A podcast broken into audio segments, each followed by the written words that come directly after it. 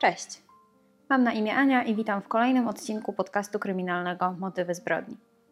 Zanim zaczniemy, chciałabym przypomnieć o subskrypcji kanału oraz o włączeniu powiadomień, dzięki czemu nigdy nie pominiecie żadnego kolejnego odcinka.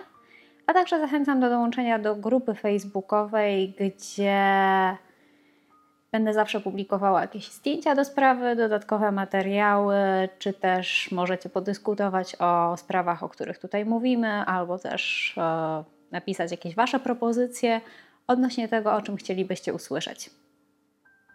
Wielu młodych ludzi uwielbia podróżować i chętnie korzystają z tego, że podróżowanie jest coraz tańsze i coraz bardziej dostępne dla każdego.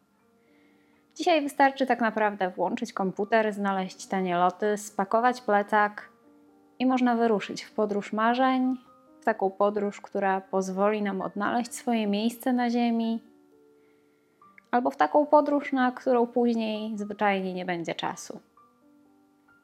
Historia, którą chciałabym Wam dzisiaj opowiedzieć, to historia, która wydarzyła się całkiem niedawno, ponieważ niecałe dwa lata temu i zaczęła się właśnie w trakcie takiej podróży. Mateusz Juszkiewicz w 2019 roku ma 26 lat. Mężczyzna pochodzi z Ełku, niewielkiej miejscowości w województwie warmińsko-mazurskim. Niewielkiej, bo ma około 60 tysięcy mieszkańców, ale jest za to pięknie położona nad jeziorem Ełckim. Mateusz był najmłodszym z czwórki rodzeństwa. Miał dwie siostry, Monikę i Małgorzatę oraz brata.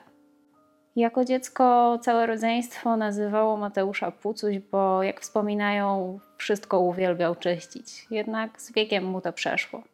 Chłopak był także najspokojniejszy z całego rodzeństwa. Był spokojnym, miłym, młodym mężczyzną, jednak miał dość niespokojną duszę. Kiedy dorósł, zainteresował się muzyką i został DJ-em o pseudonimie D-Night, a w swoim życiu ciągle szukał takiego swojego wymarzonego miejsca. Chętnie podróżował, poznawał nowych ludzi, jednak najlepszym miejscem, gdzie, gdzie czuł się jak w domu, był oczywiście dom jego rodziców właśnie w Ełku. Mateusz mieszkał w Anglii, trochę mieszkał w Niemczech u swojego brata, a kiedy wracał do Polski, spędzał czas u swoich rodziców, w międzyczasie pomagając im w prowadzeniu sklepu. Chłopak w tym czasie także jeździł po Polsce i grał na różnych imprezach w klubie. W 2019 roku Mateusz doszedł do wniosku, że czas, żeby spędzić, spełnić jedno ze swoich największych marzeń. I, I takim marzeniem była podróż do jednego z najpopularniejszych krajów Azji Południowej, do Tajlandii. Miał czas, miał na to jakieś środki, więc postanowił też dłużej nie czekać i przygotował wszystkie formalności, postarał się o wizę, kupił bilety lotnicze i 14 października 2019 roku Mateusz był gotowy, aby wsiąść do samolotu i odlecieć w kierunku przygody, w kierunku marzenia, które właśnie miało się spełnić. Mateusz nie jechał tam sam, ponieważ na miejscu już czekali na niego jego znajomi. Tak jak wspominałam, Mateusz w Tajlandii miał spotkać się z większą grupą osób, ze swoimi przyjaciółmi i mieli tam fajnie spędzić czas, bawić się i, i tak naprawdę spędzić trochę, trochę czasu razem. Mateusz postanowił zostać w Tajlandii do 20 grudnia w związku z tym, że miał plany na, na lutego 2020 roku. Miał wtedy wziąć udział w dużej imprezie w Sopocie, dlatego też chciał wrócić do Polski. Kiedy Mateusz był w Tajlandii, miał stały kontakt ze swoim rodzeństwem, wymieniał się z nimi informacjami, pisał, że, że, że wszystko jest w porządku. Pisał też o tym, że poznał dziewczynę, z którą, z którą zaczął być. Dziewczyna ta pochodziła z Tajlandii. Z tego co mi wiadomo, to poznał ją już na miejscu. Dziewczyna miała na imię Vera Khan, miała 23 lata i była nauczycielką. Z tego, co mówili znajomi Mateusza później, Mateusz bardzo mocno chciał wrócić do Tajlandii właśnie do tej dziewczyny zaraz po tym, kiedy, kiedy miała się wydarzyć impreza muzyczna w Polsce. Planował znowu wsiąść do samolotu i polecieć z powrotem do Tajlandii, aby dalej móc się cieszyć czasem z Vera Khan. 7 grudnia 2019 roku Mateusz, jego nowa dziewczyna, a także jego znajomi postanowili, że tego dnia wybiorą się na wyprawę kajakową w okolicach wyspy Phuket, gdzie właśnie się znajdowali. W wyprawie kajakowej miało wziąć udział 8 osób, 6 Polaków i dwie Tajki, a no i w związku z tym potrzebowali też czterech kajaków. Wyruszyć na wyprawę mieli około godziny 17 z plaży Janui. Tego co wiadomo, wyprawa ta miała na celu nie tylko popływanie sobie kajakiem, ale też chcieli zobaczyć piękny zachód słońca, który na wodzie wygląda zdecydowanie lepiej niż, niż na lądzie. Jeszcze przed wypłynięciem pogoda nie była najlepsza. W, mimo, że dzień był słoneczny i bardzo ciepły, to od lądu wiał dość silny wiatr. Jednak e, grupa postanowiła, że, że być może nie będzie to jakoś bardzo przeszkadzało i zdecydowali się na to, aby wyprawę kajakową rozpocząć. Od początku, kiedy wypłynęli tymi kajakami, kajak e, Mateusza i Vera Kan trochę wyprzedzał pozostałych i, i był tak dość mocno z przodu. W pewnym momencie, kiedy oddalili się od lądu, pozostali członkowie wyprawy doszli do wniosku, że wiatr jest jednak zbyt silny i za bardzo wypycha ich w pełne morze. Dlatego też postanowili, że jednak zawrócą i nie będą ryzykowali, może po prostu spróbują innego dnia. Mateusz i Ferakan również to zauważyli, tylko byli zdecydowanie dalej niż ich znajomi i próba zawrócenia była praktycznie niemożliwa w ich przypadku. Ale kiedy zobaczyli, że ich znajomi się oddalali, mieli nadzieję, że ktoś przyjdzie im być może pomóc, kiedy oni nie są tak, tak naprawdę w stanie już zawrócić swojego kajaka. Warunki na morzu w pewnym momencie były na tyle trudne, że spośród tych trzech kajaków, które wracały na ląd, jeden z nich uzyskał nawet pomoc od jednostki motorowej i, i został odholowany do lądu, aby łatwiej było im tam dotrzeć. Natomiast kiedy osoby prowadzące tą łódź motorową zostały poinformowane, że na wodzie został jeszcze jeden kajak, e, odmówiły tego, aby po niego wrócić ze względu na to, że wiatr był zbyt silny i było to niebezpieczne. Przyjaciele Mateusza postanowili pójść jak najszybciej do wypożyczalni, z której mieli sprzęt, aby poinformować ich, że jedna para została na wodzie i ma problemy z powrotem. Mieli nadzieję, że to spowoduje, że ktoś po nich popłynie i sprowadzi ich z powrotem na ląd. Jakieś półtorej godziny od wypłynięcia na tą wyprawę kajakową, kiedy Mateusz i Warakan nie widzieli już swoich znajomych nigdzie w, w, najbliższej odległości, byli zdecydowanie świadomi swojej złej sytuacji i dość niebezpiecznej sytuacji, w jakiej się znajdują. Na szczęście mieli możliwość skontaktowania się ze swoimi przyjaciółmi za pomocą telefonu i tak też Mateusz zrobił. Zadzwonił do tych swoich przyjaciół, mówiąc im, że sytuacja jest zła, że nie są w stanie wrócić sami, że wiatr jest coraz silniejszy, a fale są coraz wyższe i dlatego też poprosili ich o to, aby, aby sprowadzili jakąś pomoc, która pomoże im wrócić na ląd. Mateusz też e, mówił orientacyjnie, gdzie znajduje się ich kajak, i miał nadzieję, że takie informacje przekazane w wypożyczalni pozwolą komuś dużo szybciej i dużo łatwiej ich zlokalizować i sprowadzić z powrotem, z powrotem na wyspę. Mateusz mówił również o tym, że ten silny wiatr coraz bardziej spycha ich na otwarte morze. Miał nadzieję, że kiedy tylko wypożyczalnia zostanie poinformowana, ktokolwiek się zainteresuje i zabierze ich z tej wody i pomoże im jakoś dotrzeć na ląd. Niestety, tuż po tym, kiedy przyjaciele Mateusza poinformowali osoby z obsługi tej wypożyczalni, nie stało się zupełnie nic. Poszukiwania nie rozpoczęły się od razu. W międzyczasie Mateusz i Warakan kontaktowali się ze swoimi przyjaciółmi jeszcze trzy razy. Ostatni raz o godzinie 20.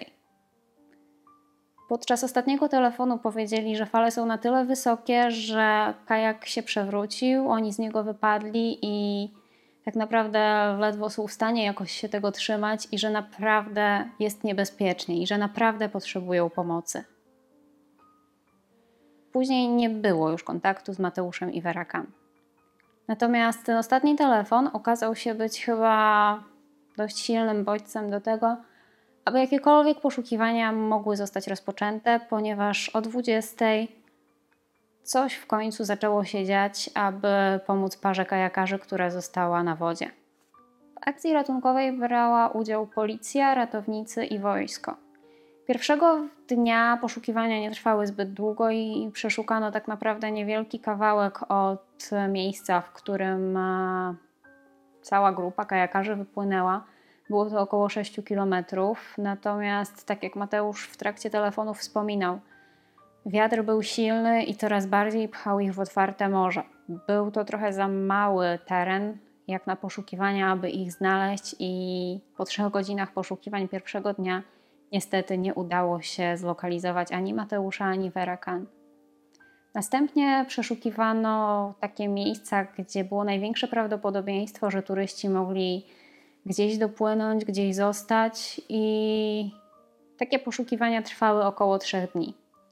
Dzień po zaginięciu o wszystkim także dowiedziała się rodzina Mateusza i mieli nadzieję tak naprawdę, że odnalezienie tej pary to, to zaledwie kwestia kilku dni tak naprawdę i że po kilku dniach zobaczą Mateusza całego i zdrowego ze swoją nową dziewczyną Warakan.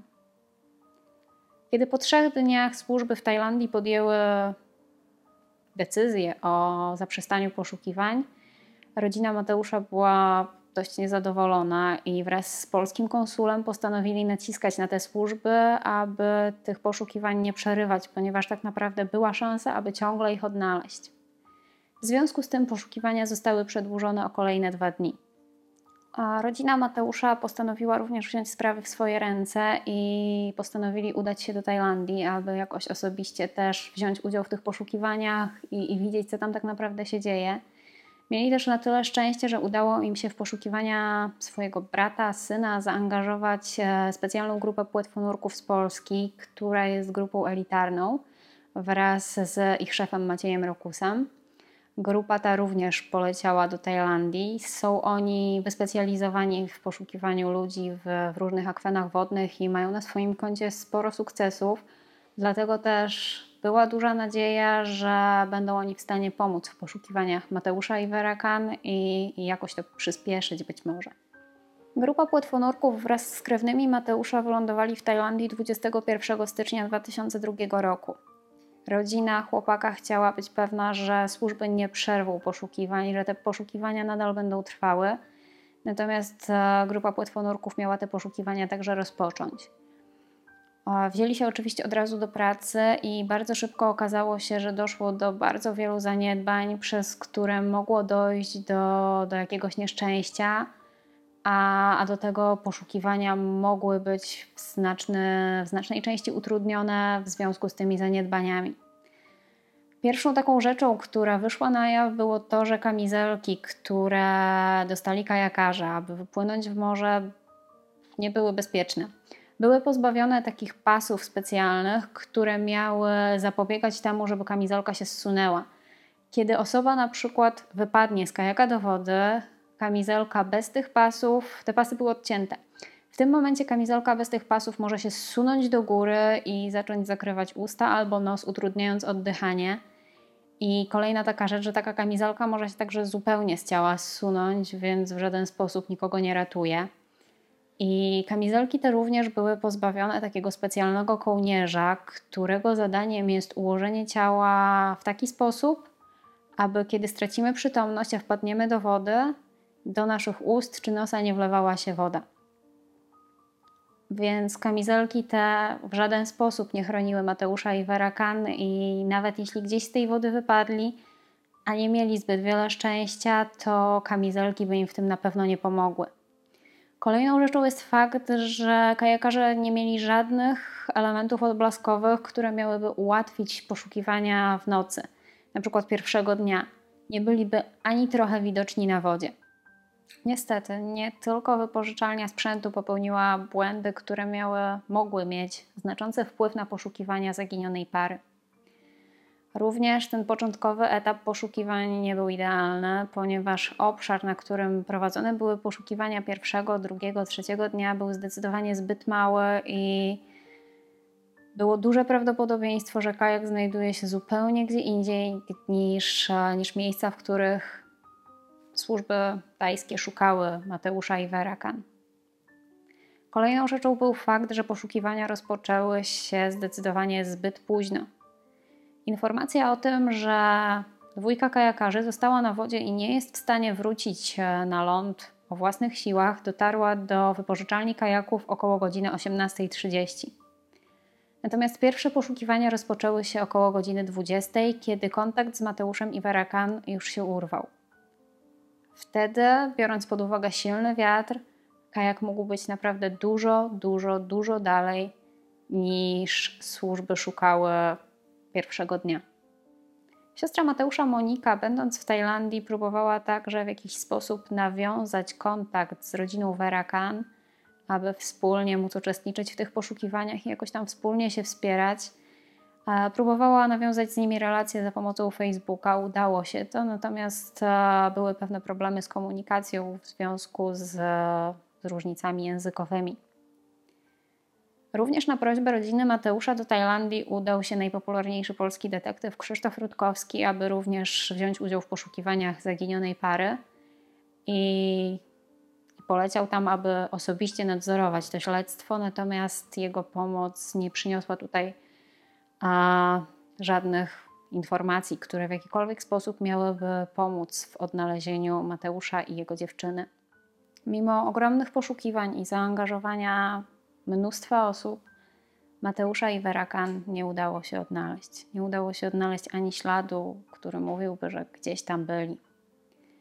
Tuż po tym, kiedy zespół polskich płetwonurków przeszukał teren w okolicy wyspy Phuket, postanowili, że trzeba prowadzić poszukiwania dalej i być może dalej uda się coś odnaleźć.